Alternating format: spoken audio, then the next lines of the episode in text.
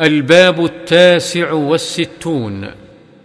باب استحباب العزلة عند فساد الزمان أو لخوف من فتنة في الدين أو وقوع في حرام وشبهات ونحوها. وعن سعد بن أبي وقاص رضي الله عنه قال سمعت رسول الله صلى الله عليه وسلم يقول إن الله يحب العبد التقي الغني الخفي. رواه مسلم.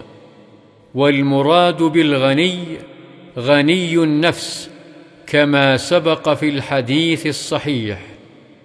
وعن أبي سعيد الخدري رضي الله عنه قال قال رجل أي الناس أفضل يا رسول الله؟ قال مؤمن مجاهد بنفسه وماله في سبيل الله. قال ثم من؟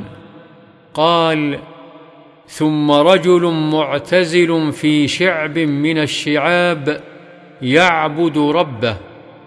وفي رواية يتقي الله ويدع الناس من شره متفق عليه. وعنه رضي الله عنه قال رسول الله صلى الله عليه وسلم يوشك أن يكون خير مال المسلم غنم يتتبع بها شعف الجبال ومواقع القطر يفر بدينه من الفتن. رواه البخاري وشعف الجبال أعلاها.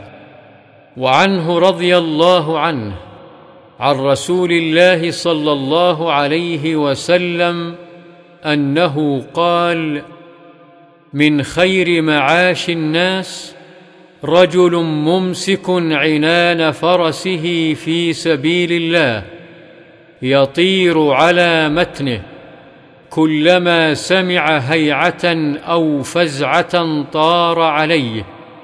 يبتغي القتل أو الموت مضانه أو رجل في غنيمة في رأس شعفة من هذه الشعف. أو بطن واد من هذه الأودية. يقيم الصلاة ويؤتي الزكاة ويعبد ربه. حتى يأتيه اليقين ليس من الناس إلا في خير. رواه مسلم. يطير أي يسرع ومتنه ظهره والهيعة الصوت للحرب والفزعه نحوه ومضان الشيء المواضع التي يظن وجوده فيها والغنيمة بضم الغين تصغير الغنم والشعفة بفتح الشين والعين هي أعلى الجبل.